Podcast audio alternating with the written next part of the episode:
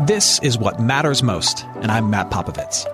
Look, life is crazier than ever, and lots of people, maybe even you, are feeling anxious and overwhelmed.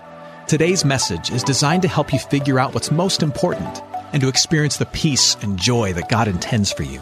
Because life is a gift, and it shouldn't be wasted on worry. I'd like to give you a resource, something to help you navigate the road ahead. Just go to mattpopovits.com, click on the icon, and we'll send it to you. That's Matt, P-O-P-O-V-I-T-S dot com. And hey, if you happen to live in the Houston area, I'd love to see you on a Sunday morning at St. Mark in Spring Branch. Head to stmarkhouston.org to plan your visit. Here's today's message. Thanks for listening.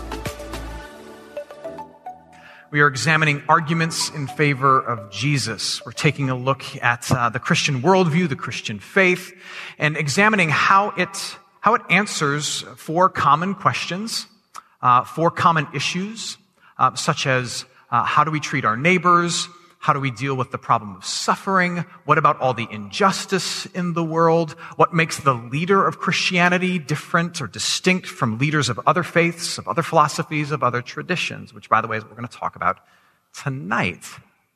Tonight, we're going to get right to the heart of this series. Christianity, unlike every other religion, philosophy, worldview, has a leader who lives. Christianity has a leader who lives. Uh, the big assertion being this that the resurrection of Jesus Christ sets Christianity apart from every other religion, every other worldview, every other faith, every other philosophy, every other way of approaching life in ways that are critically important and practical for you. That's what we're going to wrestle with tonight. The hope that your religion or your worldview offers you is only as good as the object that that faith, that hope, that religion, that worldview depends on. Because the big question is this can the, can the philosopher, can the sage, can the path, can the acts that it, acts, that it asks you to do, can those things ultimately deliver on the promised land that it is promising to you?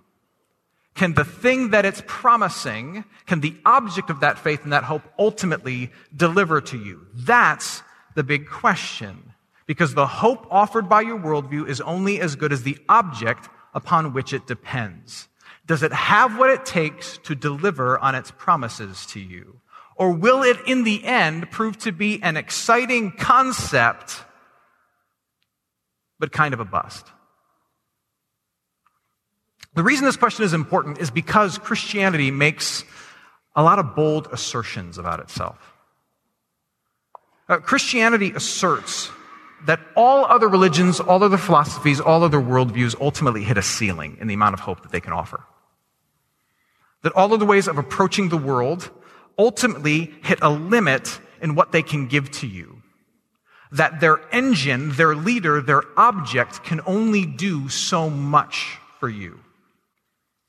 And Christianity tells you time and time again, if you read the words of Scripture, that you have to come to terms with that. That you can have hope in other things, and hope in other things is good, but they can't do for you what Jesus can do for you. And you know who was passionate about that assertion was Jesus himself. Jesus was passionate about that assertion. He wanted those who encountered him to know the limits of the other things they were placing their hope in. And if you don't believe me, um, one place to look is Matthew chapter 10, verse 37, where Jesus makes one of his most bold assertions. Matthew chapter 10, verse 37, Jesus says this, Whoever loves his father or mother more than me is not worthy of me. And whoever loves his son or daughter more than me is not worthy of me. Now, this is a bold statement on the part of Jesus. This is not meek and mild Jesus. This is Jesus saying, I've got to be the top priority. Now, why is Jesus saying that? Jesus is striking at humanity's tendency to take good things like mother and father and son and daughter, take these really, really good things and make them ultimate things. And to put expectations on those good things that those good things can never deliver on to take these good things, make them ultimate things, people, processes, philosophies, ways of approaching the world, political worldviews, to take these things and put our expectations for hope and peace and meaning on these things, expectations that really only belong on Jesus' shoulders. See, when you put something on a pedestal, trusting that it is going to be the engine of your hope and your peace and your joy, your worth and your identity, Jesus is saying you're setting yourself up for a really big disappointment because that's my territory. That's my job. I'm the only one who can deliver on that for you. If you keep reading through the Christian faith, in particular in the New Testament, you will see that the Christian faith asserts that every other hope, while good, every other way of maybe approaching the world or understanding life or trying to derive meaning and purpose out of life, will ultimately fail you in one of three ways. It will, it will show its limits to you in one of three ways. It will be exposed in its limitations in one of three ways. It will either run out of energy on you, it will fail you and disappoint you, or it will die on you.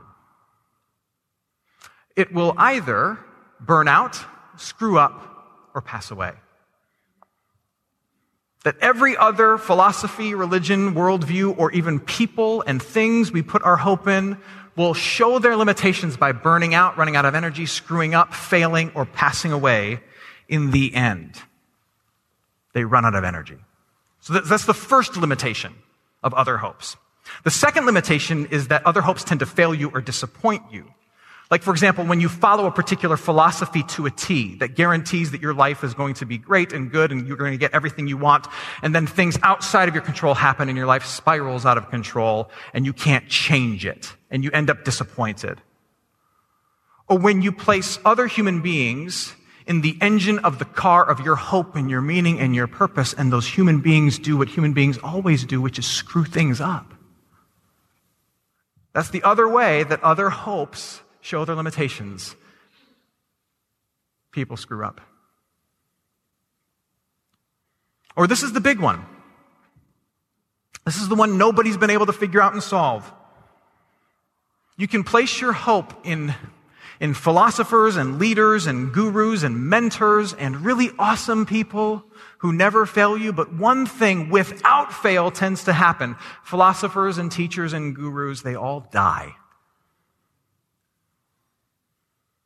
So one thing everybody's got in common. They all die. No one can solve that one. No one can fix that problem or answer that riddle. You know, so Muhammad changed the world. Muhammad changed the world in ways that which we are still feeling, obviously, today. But Muhammad died and Muhammad has stayed dead.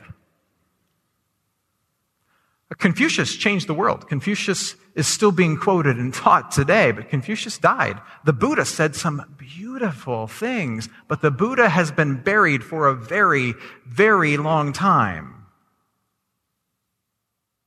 The stuff they taught, the things they did, it made an impact. It lives on. It resonates today, but there's one problem that they couldn't solve. One thing that looms over us all that they couldn't figure out, and that thing is death. And that is the ultimate ceiling. No matter how good your hope is, if it can't fix death, then death is the ceiling that it hits. Death is the limitation. Death is the one problem it can't solve for you. And that's a really, really big problem. So much so that St. Paul, one of the first pastors and church planters deep in the New Testament, he makes that concession where he says, look, if Jesus has not risen from the grave, then Christianity is no different than anything else that anyone has ever taught, and it's not even worth following. That's in the Bible. I'll, I'll, read it to you. 1 Corinthians chapter 15, verses 17 through 19. He says, If Christ has not been raised from the dead, your faith in him is futile. It's pointless, and you're still in your sins. He hasn't solved anything then also those who have fallen asleep, your family members who died with faith in Christ have perished. There, there's no hope for them to be resurrected. There's no hope for you to see them again because Christ himself was not resurrected. If in Christ we have hope in this life only, it's another way of saying if Christ is simply there to give you good principles for your life, then there is no point in following him. Because as a matter of fact, the principles he gives you for life are backwards. Unless there's resurrection and a new kingdom coming. If in Christ we have hope in this life only, we are of all people most to be pitied because we believed he was stronger than the grave and he wasn't. Paul makes an incredible concession. Resurrection is the one thing that sets Christianity apart from all other things. Without it, the hope that we have has the same limit of every other hope. It reaches a ceiling just like everything else did. Now, earlier tonight, we, we heard from 1 Peter chapter 1. And, and if you don't know kind of the context of 1 Peter, let me share it with you. Uh, Peter was, was writing a letter to Christians who were spread out around the, the, the known ancient world really at that point because of persecution. Their belief in and their confession of Christ have caused them to be chased after and persecuted. And so they, they left family, they left their towns, they left their jobs, they left their callings, and they ran for their lives and they were spread all over the known world. And, and Paul was writing to these people to encourage them, to remind them that they still had hope, even though they had to run for their lives. Even though they had lost every other object of hope through, through horrific pain and significant struggle. And yet, listen to what he says to them. These are people who have, who've been persecuted, who've lost pretty much everything. Listen to what he says. He says, Blessed be the God and Father of our Lord Jesus Christ! Exclamation point. He's in a good mood according to his great mercy. How merciful is he if I've lost everything? According to his great mercy, he's caused us to be born again to a living hope. You could almost capitalize that L and that H. He's talking about Jesus. He's, he's caused us to be born again into a life where the object, the engine of our faith is a person who's living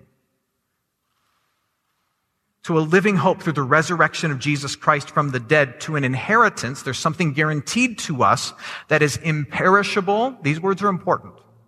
Imperishable, undefiled, and unfading, kept in heaven for you, who by God's power, you who by God's power are being guarded through faith. You're being protected by God through your faith for a salvation ready to be revealed in the last time. Peter is saying something profound and important. He's saying that through your faith in Jesus, you've been reborn and made new. You are now either a daughter of God the Father or a son of God the Father through faith in Jesus. And as a member of God's family, there are certain things that are guaranteed to you in the future. There are certain things you have today. You have forgiveness of sins today, no matter what your sin is, no matter what it is. And there's some freaky stuff in the world, all forgiven through Jesus Christ. No matter, no matter what it is, you have that today. And there are certain things that are guaranteed for you tomorrow that, G, that, that Peter is saying can't be taken from you. There's an inheritance that's waiting for you. Like Christ, who's reigning at the right hand of God the Father, is going to come back and usher in this kingdom where all that's still broken is finally pushed to the side. We live in that in between time. The decisive victory has happened. The war is over. Christ has been crucified. Christ has risen. The war is done. Now, now Satan's still trying to figure that out. And there's going to come a day when Jesus comes back, when the ticker tape parade happens, and soldiers come home and kiss their brides, right? Like that day is going to happen at the return of Christ, but we're in that in between state right now. But that, that future victory is guaranteed. It is your inheritance. Now, now notice the words that Peter uses to describe the inheritance that you have, the things you're hoping for because of Jesus. He uses these words. The inheritance that you have waiting for you is imperishable. When we say something is imperishable, we're saying it doesn't what? It doesn't die. He says the inheritance that you have in Jesus Christ is undefiled, meaning it won't screw things up. It's unfading. It can't run out of gas on you. Now, why is it that Peter can say that the inheritance you have is not going to die, it's not going to screw up, it's not going to fade away? Why is it he can say that? Because the object, the engine, the leader of your faith, the thing that you're anchoring it all in and upon, he, he was undefiled. He didn't sin. He, he was unfading. He didn't give up. He went to the cross. He endured it. He's still going today, sitting at the right hand of God the Father, loving you through His Word, leading you, encouraging you through His Spirit, and He is imperishable. He died, but He rose again, and He will never die again. We can say that the inheritance, the things we're hoping for, are imperishable and unfading and undefiled because the object, the engine of our hope was imperishable, unfading, and undefiled. That's why. That's why Peter is able to write these words, though he himself was persecuted, though he himself would die crucified upside down. That's why he is able to write with genuine joy and a smile on his face to his fellow Christians saying, look, every other hope has been taken from us. Our careers, our homes, our families, all the fads and philosophies that we were so excited about, the political viewpoints that we wasted so much time on, all those things have failed us, but we have a future waiting for us that can't be crushed because the one it's dependent upon couldn't be crushed. He lives. And that makes all the difference in the world. I hope you're enjoying today's message. For more of what matters most, you can head to mattpopovits.com. There you'll find other messages. You can support this ministry as well as access your free gift. Oh, and if you're looking for a local church and you live in Houston, come and see what's happening at St. Mark Houston. To plan your visit, head to stmarkhouston.org. Thanks for listening, and back to today's message. Now, depending on, on, on, who you are, my hope is that you hear this message that, that Christianity has a leader who lives and that makes all the difference in the world. I hope you hear that in, in, in different ways. If you're here tonight and, and you are a skeptic, you are still kind of unsure about the claims of Christianity, my hope is that you would hear these words as a challenge. A loving challenge, but a challenge nonetheless. My encouragement for you is to take stock of the hopes that you have. What are the things you're hoping for, you're, you're wanting to see happen in your life? And what are the objects that those hopes depend on? It could be you, you're leaning on yourself. It could be some other person that you've put all your faith and hope in. It could be some great thinker whose, whose teachings you follow. Your hope has some object, some engine. And what am I aiming to get from that object, that engine? Is it peace? Is it purpose? Is it some enlightenment? Is it some, some success in life? And then ask yourself this Can that thing deliver? If it's you, can you deliver? If it's another person, can they deliver? If it's a teacher, can they deliver? Really? Or will they end up failing you, fading on you, or perishing on you? Now, you may end up in the exact same place after you ask that question, but I would say to you it's a worthwhile question nonetheless. That the one hope that cannot and will not fail humanity finally emerged, and once it emerged, everything changed, and we're still trying to come to terms with it.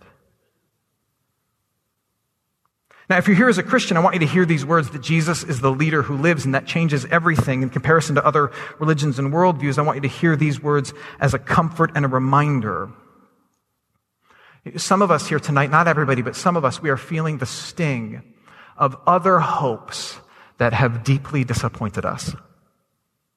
Of other paths, other patterns for living, particular people who were the engine of the car of our hopes and our dreams, of our, of our particular outcome, and they have let us down in a significant way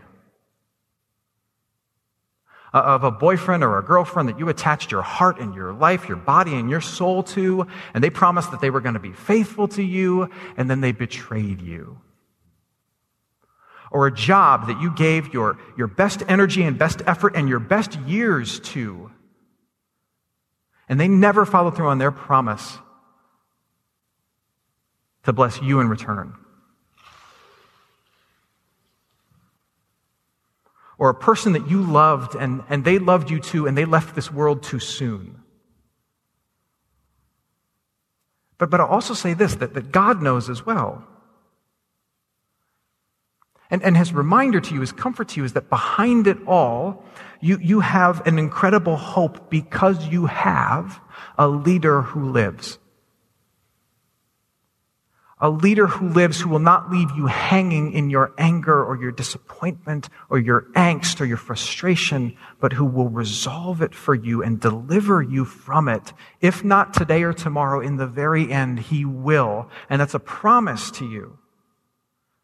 Others may fail you. Others will fail you. Your own knees will buckle under the pressures of life. Your heart may be burdened by all the expectations that have been placed on you. But 2,000 years ago, a man named Jesus Christ, around whom we measure our time, he lived and then he died. He died under the weight of every broken promise. He died under the weight of every wrong that's ever been done. He died under the weight of everything that should have happened but never came to fulfillment. He died underneath the falsehoods of every other false hope hope that were laid upon him, every failure of humanity laid upon him, and he was broken under the weight of it, of every broken promise that's been given to you. He was broken by it to the point of death. And the world was silent for three days, wondering if he'd stay that way. And then, as the hymn says, up from the ground, he rose to save.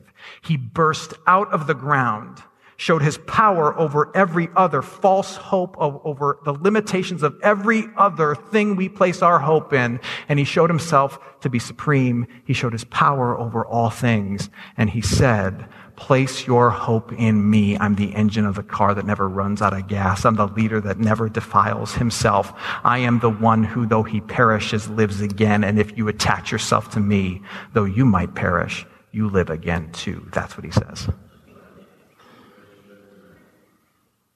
And in doing so, he restores hope because he says it's safe for you to lean on him in the biggest of things because he's conquered the scariest of things because he lives and he rose from the grave. I'll close with this. For me, one of the great parts of having a, leader who lives for you, of knowing that Jesus Christ is the leader who lives when every other hope passes away, fails, is defiled, or perishes, knowing that I have a leader who lives for me is that one of the implications is that this leader who lives for me today can also live with me today. Having a living hope means you have a hope in Jesus Christ. You have a Jesus Christ who can walk with you, who can hear your prayers when you, when you whisper them, who can speak to you through his word when you open it, who can feed you with his body and his blood, who can say, I'm not just a leader who lives for you. Let me live with you so that you can hear from me, know me, touch me, feel me, and be comforted by me every moment of every day. That's the beauty of a leader who lives. I was reminded this week of a story of, uh, about Billy Graham. In the early 80s, he was invited to, uh, to an interview on the Today Show. Uh, he, he shows up to do this live interview on the Today Show in Midtown Manhattan. Um, and he, he, he goes in and one of the producers walks up to one of his assistants and they say, we have a room set aside for, for Billy Graham, uh, to, to pray in if he wants to pray prior to his interview. And the assistant said, you know, Mr. Graham's not going to need to pray. Um, he's fine. And uh, the producer was taken aback because this was arguably the most famous Christian in the world at this particular point. He's a renowned evangelical leader, the most famous pastor on the planet. Why wouldn't he want to pray right before he goes on national television to talk about Jesus? And the assistant very kindly told the producer, he said, Well, um, Pastor Graham was praying when he got up this morning. And um, uh, I was with him over breakfast. He was praying over breakfast. He was, uh, he was praying in the drive over. As he's talking in the interview, he's probably going to be praying as well. That's just kind of how he is. He, uh, he's praying a lot. Uh, the point being this, you know, it is necessary to set aside times to, to be alone and secluded in prayer, but, but, but, but Billy Graham understood that life was lived on two levels for the Christian. There was the one level where you're engaging in the daily activities of life, but there's this other level where you're in constant communication with and dependence upon the source of your joy, your living hope, and you're talking to him, walking with him, saying, Oh, I'm buying a Starbucks, but Lord, I need you. Oh, I need you. Every hour, I need you, right? There's that part of you that is constantly in conversation with him. That's the beauty of a leader who lives. He not only lives for you, but he lives with you. So the big question of this whole series has been, why Christian? Here's why Christian. Because, because the hope that you have is only as good as the engine in the car. The hope that you have, whatever it is, is only as good as the object upon which it depends. And every other object of your hopes, whatever they are, will eventually show their limitations. And you gotta know those limitations. So you don't ask too much from them. You ask the ultimate thing of the ultimate person. You ask the ultimate thing, your hope, your joy, your peace, your eternity from the only one who will not fade, who will not be defiled, who has not perished, who lives today. You ask it of Jesus. That's why. Hey, it's Matt. I hope you enjoyed what matters most. Here's what I need you to know life is a gift, and it shouldn't be wasted on worry. I want to help you figure out what's most important and to experience the peace and joy that God intends for you. So, for more content, you can head to mattpopovits.com. That's Matt, P O P O V I T S.com. There you can also support this ministry as well as access your free resource, a little something to help you navigate the road ahead. I'd also love to see you on a Sunday morning. If you're in the Houston area, head to stmarkhouston.org to plan your visit. In the meantime, hit me up on Instagram at mpopovits or at facebook.com slash Ministries. Thanks for listening. Now go and hold tight to what matters most.